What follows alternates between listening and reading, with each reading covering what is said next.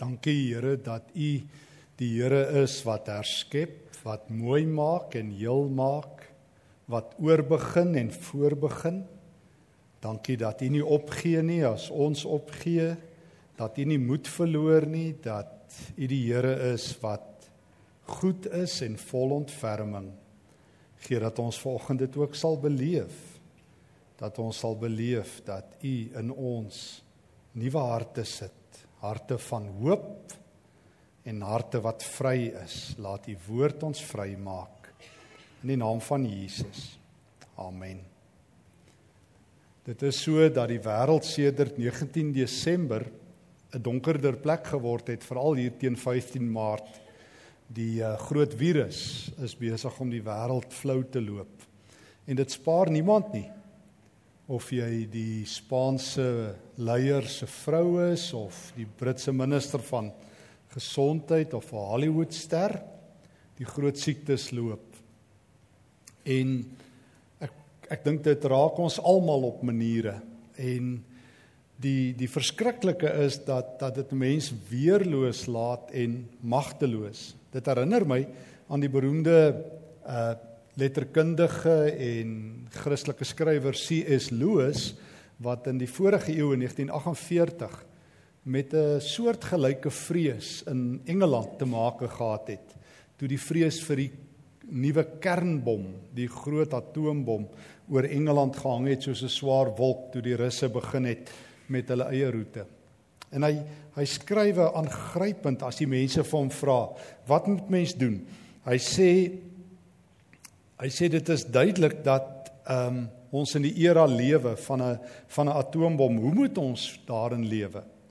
Nou antwoord hy op dieselfde manier as wat Engelse Christene geleef het in die 16de eeu toe daar elke jaar 'n soort van 'n epidemie in Londen was. En dan uiteindelik sluit hy af en ek lees dit sommer so uit Engels. Hy sê the first point and the first action to be taken is to pull ourselves together.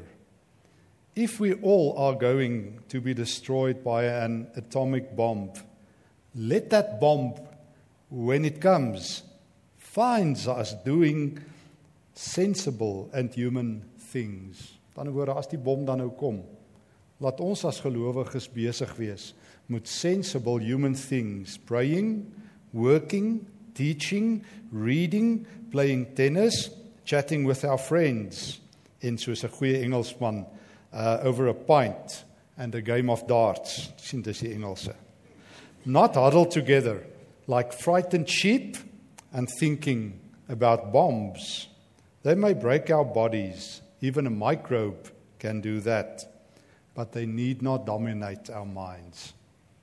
In die jaar 165 in die Romeinse ryk breek 'n pandemie uit wat woed tot en met die jaar 180.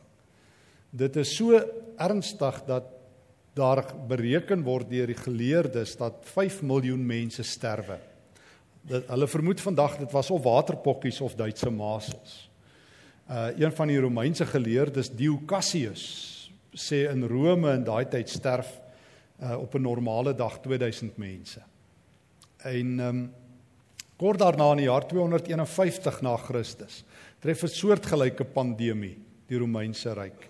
Tot soveel as 50% mense wat daardie virus onderlede het, sterf in die Romeinse ryk.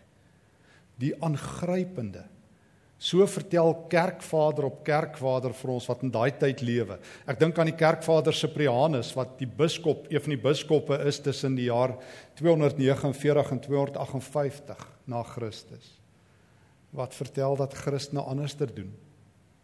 Een van die ander kerkvaders Dionysius sê Christene neem daai mense in hulle huise, was hulle, versorg hulle, gee vir hulle kos.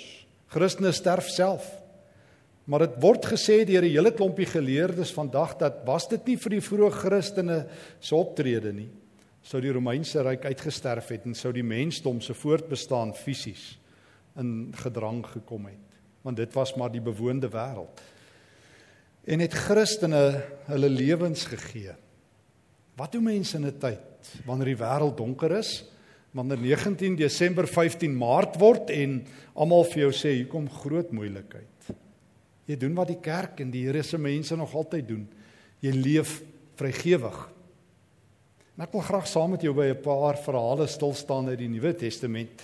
En ek wil begin by die verhaal van die persoon wat die grootste impak op Jesus gemaak het toe hy op aarde was. Die een persoon van wie Jesus gesê het, hierdie verhaal wat met hierdie persoon gebeur, sal die hele wêreld verander. Jy behoort onmiddellik te weet of dalk weet jy nie, want Jesus het gesê oral in die wêreld waar die evangelie verkondig word, sal oor haar gepraat word, oral op elke plek, elke keer. Behalwe lyk vir my dat niemand nêrens oor haar praat nie, maar dit is Jesus se belofte. En jy weet onmiddellik ek praat van Markus 14. Kom ons gaan lees dit saam, Markus 14. Dit is 'n baie baie baie donker tyd in Jesus se lewe. Die die messe, die doodskontrak is klaar afgeteken op Jesus. Sy doodsvonnis is klaar verseël. Dis die Woensdag aand voordat hy uh gekruisig word. Hy is in uh dis 'n rustige dag oënskynlik. Dis die dag daar dat, dat sy disipel Judas Iskariot gaan gaan kontrak sluit het om om 'n prys te maak om om Jesus te verloon. En daardie aand daar in uh in die huis lees ek in Markus 14 vers 2 in Betanië, net so buite Jerusalem. Is Jesus aan die eet. Anderster as die wêreld rondom hom, sy mense rondom hom wat donker en benoud en bang is, is Jesus besig met 'n feesmaal. En dan ons lees vanaf vers 3. Jesus was in Betanië in die huis van Simon die Melaatse. Terwyl hy aan tafel was, het daar 'n vrou gekom met 'n albaste fles egte baie duur nardusolie. Nardusolie kom daar van ehm uh, Nepal se wêreld. Dit was verseël. En ons hoor nou wat die waarde is. Sy het die fles oopgebreek en die inhoud daarvan op sy kop uitgegooi. Party van die mense het onder mekaar hulle verontwaardiging uitgespreek. Waarvoor hierdie vermorsing het iemand kliphard gesê. Hierdie reukolie kon vir meer as 300 silwer muntstukke verkoop gewees het en die geld vir die armes gegee gewees het en hulle het 'n hele kabaal opgeskop. Nou kom ons bereken gou die waarde van hierdie olie. 300 silwer muntstukke. Nou dit is 'n uh, in die Romeinse ryk het jy vir een dag se werk in daai tyd 1 denarius gekry. Dit was hierdie silwermuntstuk. 1 denarius was die standaardloon. Die vir julle wat die Bybel ken sal onthou daai gelykenis wat Jesus in Matteus 20 vertel van die arbeiders wat op verskillende tye gehuur word, kry elkeen 1 denarius. Nou in Joodse tradisie is bereken dat as jy minder as 200 denari per jaar verdien, gaan jy baie moeilik lewe. Dit was min of meer die broodlyn, die bestaansminimum. Hierdie vrou se nardusolie kos meer as 300 denari. So dis min of meer 1 en 'n half jaar se inkomste. Nou gou die vraag, wie van julle het al sulke duur olie gekoop, reukolie? Net 'n klein handjie, moenie nou wys nie. Mens moenie nou spog hier so te veel nie, maar net so klein. Niemand nie. Nee, goed, ek sien niemand nie. Maar ek wil nou nou vir jou sê nê, as jy nou 'n man is en jy jy het 'n vrou en sy koop en, en jy sit so een middag en jy doen bietjie bankwese want ek dink dis wat hierdie ou se vrou met hierdie vrou se man gebeur het daar in Jerusalem. Hy sit so een middag daar in Jerusalem en hy sê skat, daar's groot fout, hierdie bank het ons geld gesteel. Ek het nou gekyk, ons al ons spaargeld is weg. Sy sê nee, dit was ek skat. Hy sê dit was wie? Nee, dit was ek. Wat het jy gedoen? Nee, ek het 'n bietjie parfuum gekoop. Jy het gewat? Nee, ek het parfuum gekoop. Waar is dit? Nee, dis weg. Ek het dit weg, ek het dit uitgegooi. Ek is seker julle gaan nie daai aand lekker slaap nie. As dit my vrou was. Ons sal nie lekker geslaap het nie. Ek sê skiet nou weer ryk die goed op. Nee, ek het dit op Jesus uitgegooi. Dis wat hierdie vrou doen. Sy vat 'n jaar en 'n half se geld en sy mors dit op Jesus. En met een oomblik ontplof almal. Hulle sit almal daar, die finansiële kommissie voorsitter, die CA, hulle is almal daar en hulle sê wat 'n vermorsing van geld. So kan geen mens aangaan nie. Wat is dit? En Jesus. Hoor wat sê hy? Los dit. Ek is seker hy het gesê, "Skus groot mense, druk julle ore toe. Chill." Chill. Chill. Drink 'n pil en chill. Kom net oor jouself. Maar daar staan letterlik in die Grieks net so een woord. Los dit. Wat gaan met julle aan? Hulle sê die wêreld brand. Dis nou tyd om te spaar. Ons moet opspaar.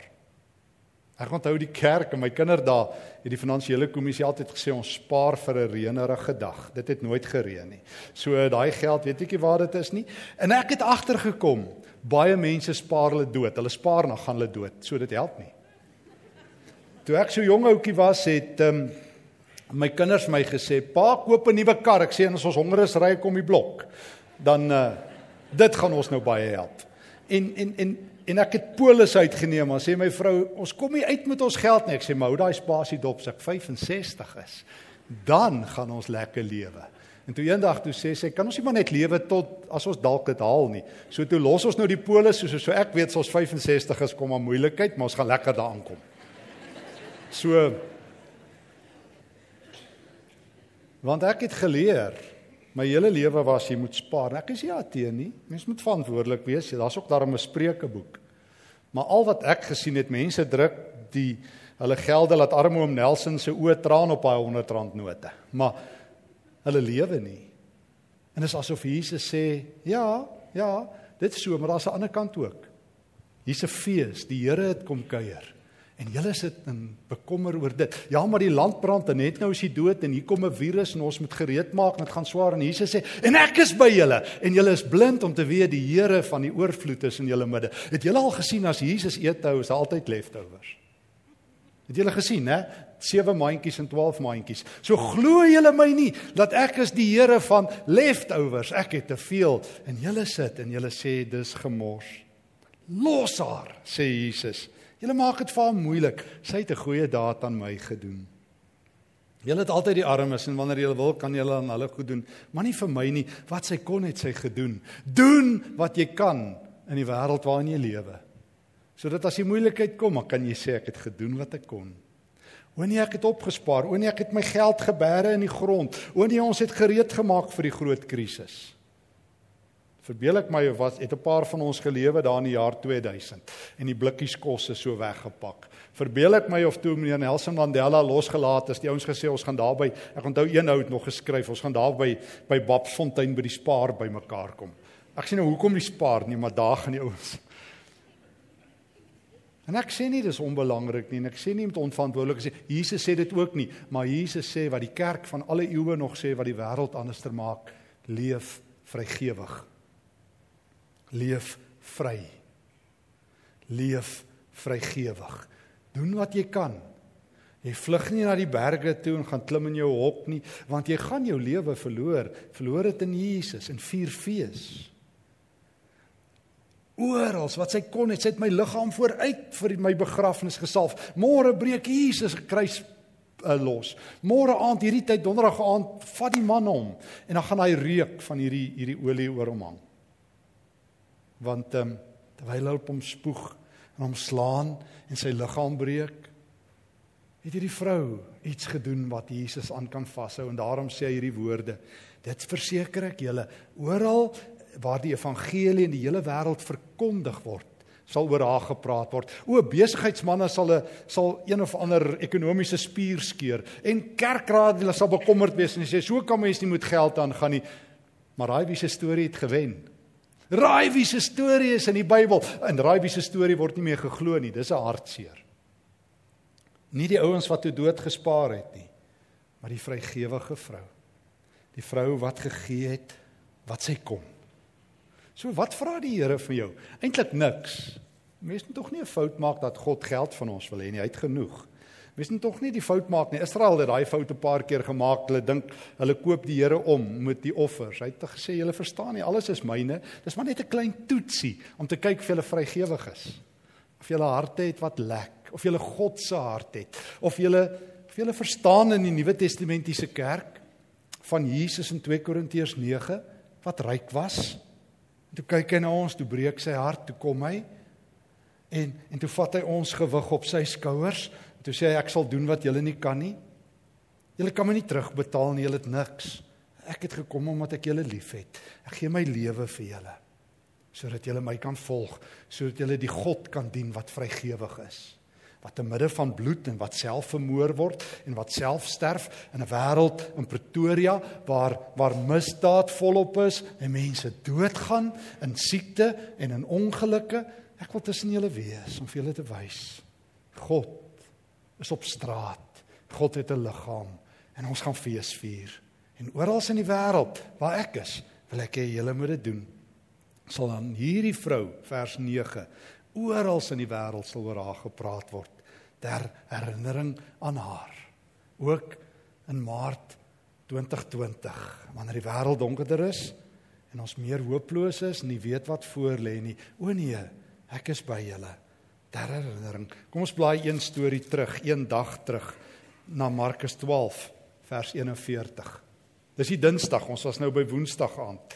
Dis die Dinsdag.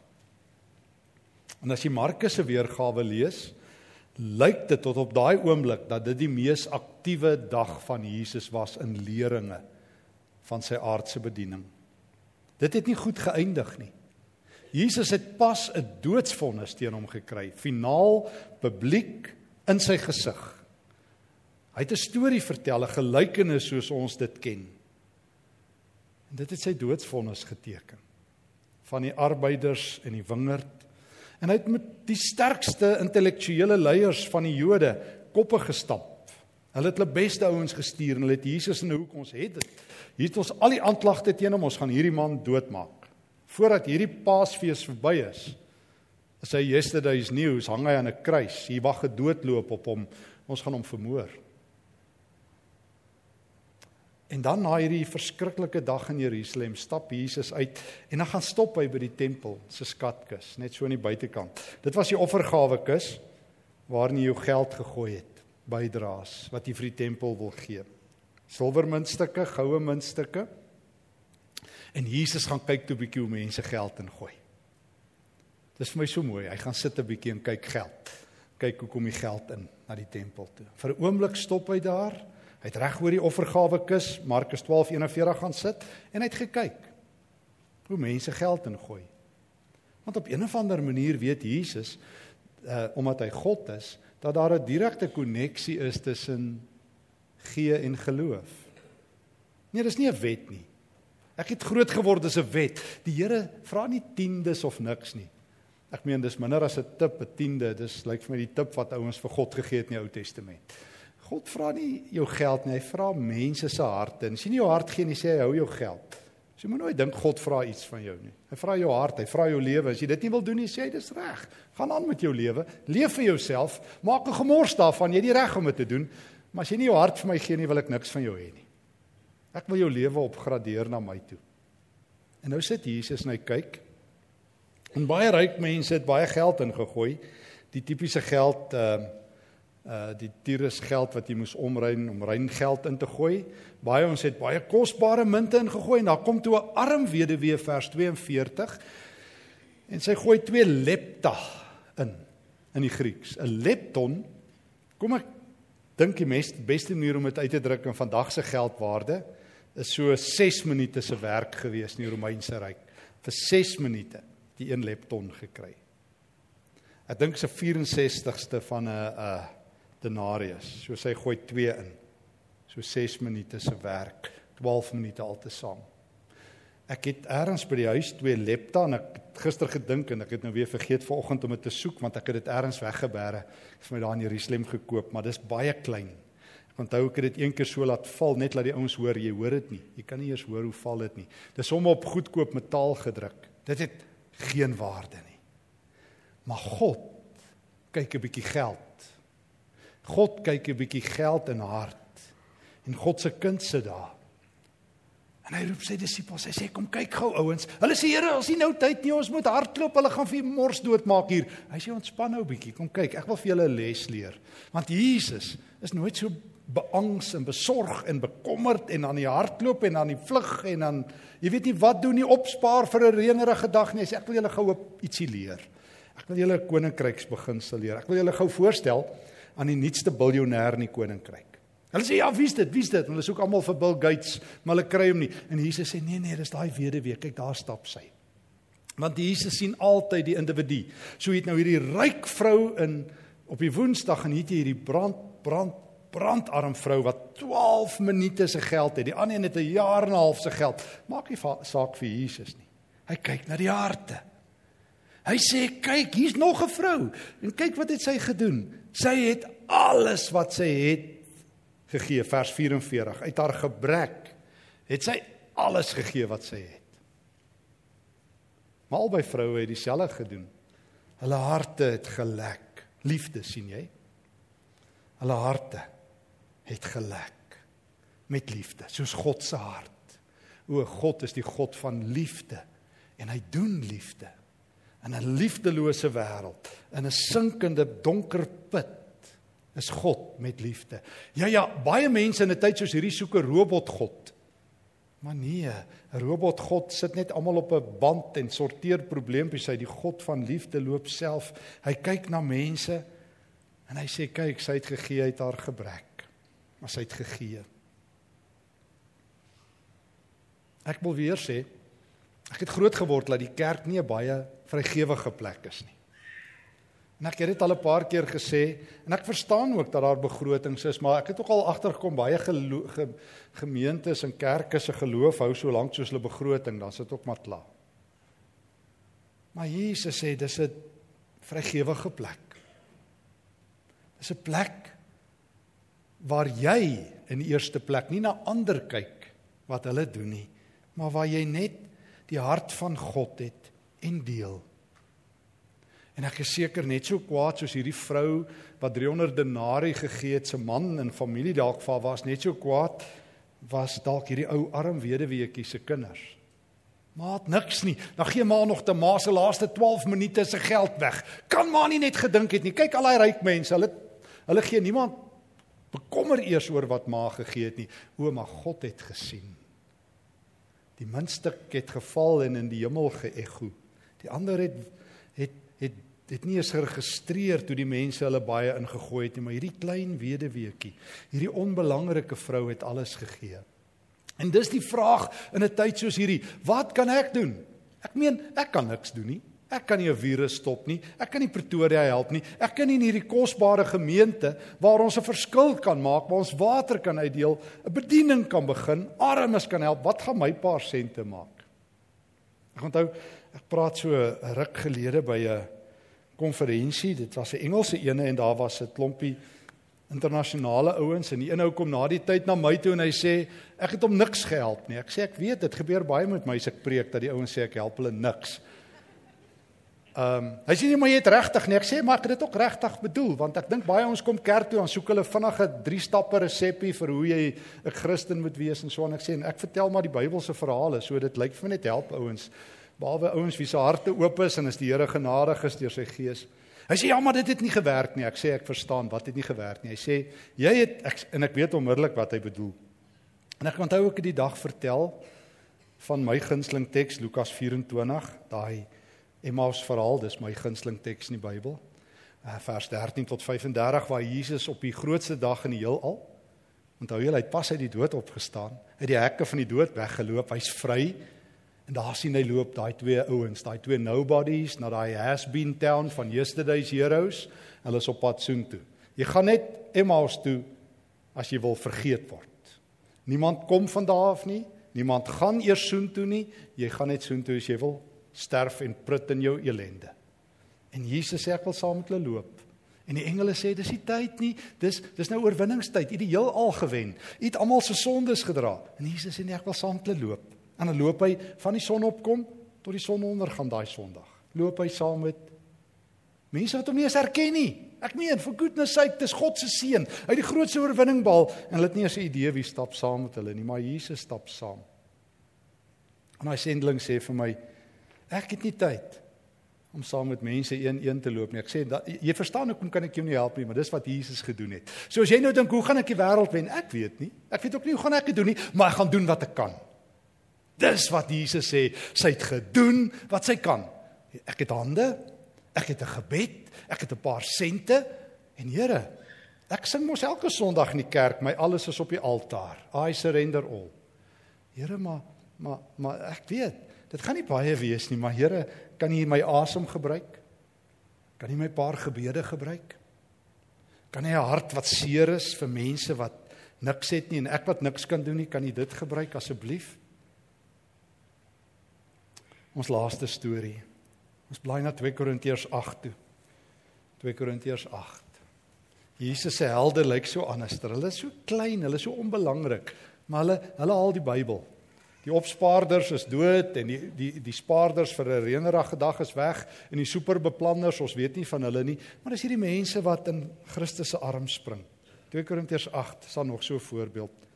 Paulus is besig met 'n geldinsameling vir die arm Christene in Judea. Daar's 'n reuse hongersnood. Jy sal in Handelinge 11 daarvan lees en ook in Galasiërs 2. En Paulus spandeer Uh, ons weet van hom as 'n sendeling, maar hy 10 jaar spandeer om geld in te samel. So so saam met al sy harde kerkwerk, sy mishandelinge, het hy waarskynlik hier vanaf sy um eerste sendingreis, sy einde. Tweede sendingreis 4950 tot totdat hy uh, uiteindelik in Jerusalem aangekom het. Uh het hy geld ingesamel by 'n dekade vir die Christene in Judea. En nou vertel hy vir daai ou syne gespil, kyk want die die regtige ou synige klomp Christene in Korinte. Vertel hy van die Macedoniërs. Hy sê hy wil van sy helde bietjie vertel. Macedonië is 'n Romeinse provinsie, gemeentes Tessalonika en Filippi en Veroa of Berea soos ons hulle ken. Ehm um, en dan vertel hy van hierdie van hierdie gemeente. Hy sê, "Kan ek julle vertel van die genade wat God aan die gemeentes in Macedonië ontvang het? Hulle was swaar beproef deur verdrukking.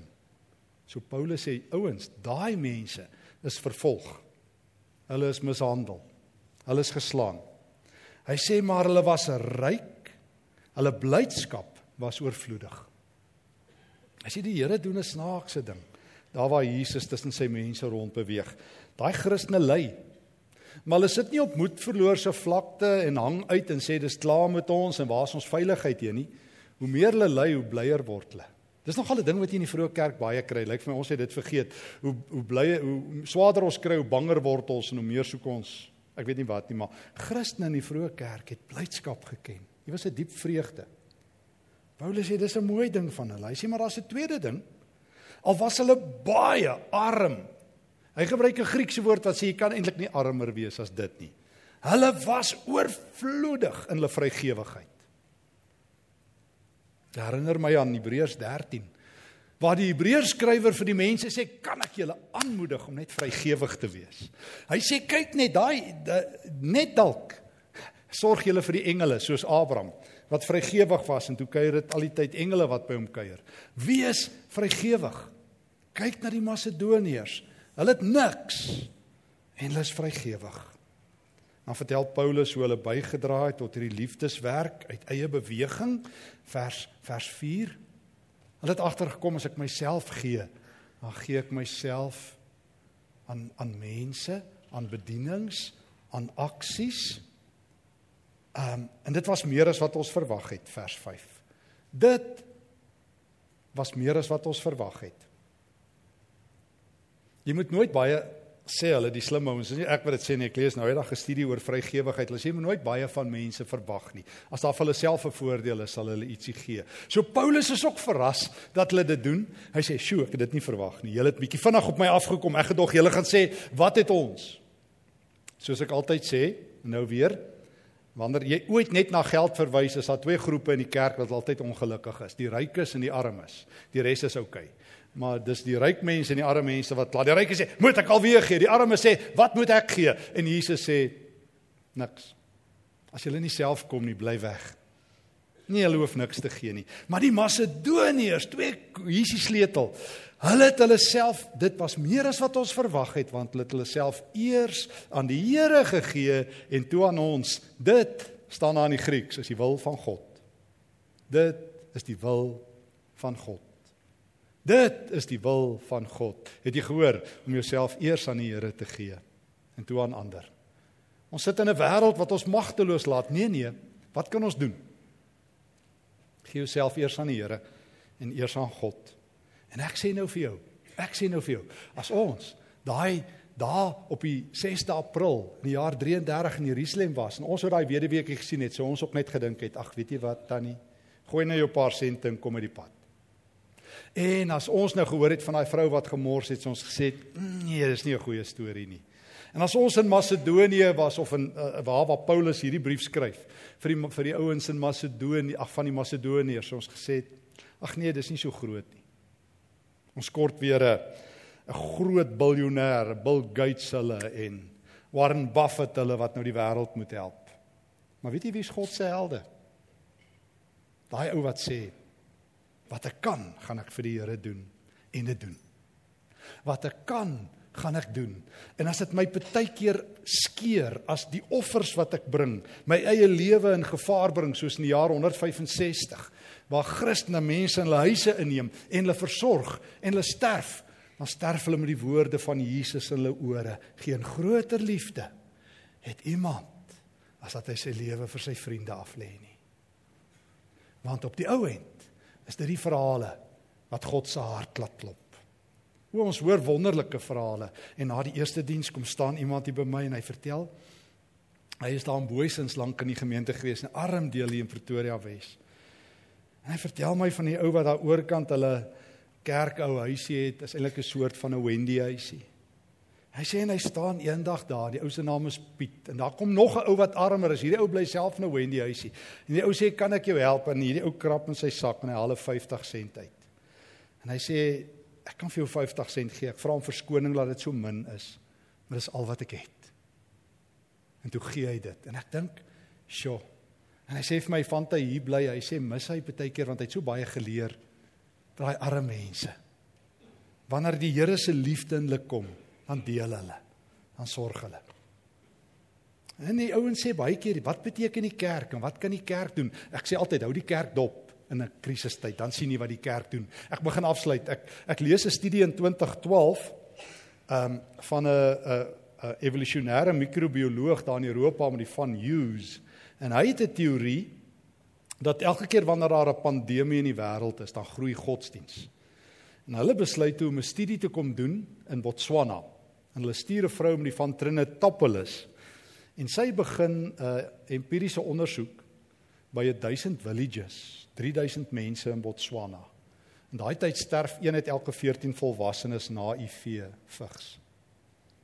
En hulle bevind in daai tyd groei die Islam 7% en Christendom die Christene in Botswana 30%. En hulle wonder hoekom, want die Christendom groei laat dit klap. En hulle vind uit maar 30% Christene maak hulle huise oop of gaan na daai mense toe wat vigs het, was hulle, bring vir hulle kos, gee vir hulle 'n bietjie lewe en hulle sê dit red baie mense se lewe, goeie kos, 'n bietjie water. En daai ou skrywe, daai akademikus skrywe. Ek's nie 'n Christen nie, maar ek kan sien geloof werk. So hou die Christene dop. Nie so gou sê die kerk is dood nie. Hierdie is ons gimnasium. Ons het geoefen, ons het God se woord gehoor. En as ek die Heilige Gees reg verstaan, gaan hy die woord vat en iets daarmee doen. Wat nie van ons kan nie, want jy het gehoor hoe useless as ek as ek preek, ek help niemand. Maar ek vertrou die Heilige Gees dat hy iets kan doen met 'n preek. Hy kan 'n preek vat en dit laat werk. En weet jy wat? Sommige so gaan iemand op jou radarskerm verskyn. En sommer so gaan jy by iemand 'n les leer en sommer so gaan jou hande oop gaan. En as jy jouself kry en sê eintlik moes ek dit gehou het vir myself. Maar weet jy wat? Daar's 'n broer en 'n suster wat bloei en huil. En net dalk, Here, is dit die salf vir hulle wonde. Net dalk sit Jesus wat na my toe gekom het. En jy gaan die kerk dophou in hierdie dae hier in Pretoria en ons gemeente en ook na buitentoe.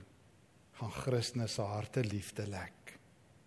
En en en baie mense gaan verbaas wees en ons gaan saam met Paulus sê, "Sjoe, dis meer as wat ons verwag het, want soos ons menslike natuur ken, is dit nou elkeen vir homself en na die duiwel met die res." Nee nee, nie op Jesus se beurt nie. Want Jesus sit by die skatkis. Hy sit by my lewe en hy kyk wat ek doen. En hy sien hoe almal verbygaan. En dan daai een persoon wat sê, "Kan ek myself gee?" Kan ek in die kollektebordjie klim want ek het niks, maar kan ek inklim? En Jesus sê, "Voorwaar ek sê vir julle, daar gebeur God se koninkryk." En en ander kere gaan iemand kom en baie gee en almal gaan kwaad wees oor die vermorsing en ek gaan sê, "Dis die getuienisse." En ons gaan saam met Paulus hoor dis mense wat hulle self eers aan die Here gegee het en toe aan mekaar.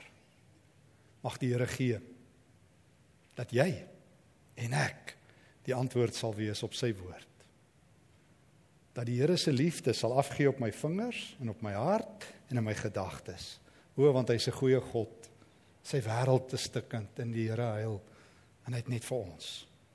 Hoor die woord van die Here. Amen. Here, dankie vir die woord. Dankie dat U 'n liefdevolle Here is. Here, as mense bloei, bloei U ook. As mense huil, huil U saam, maar U te feesmaal. U 'n mandjie kos.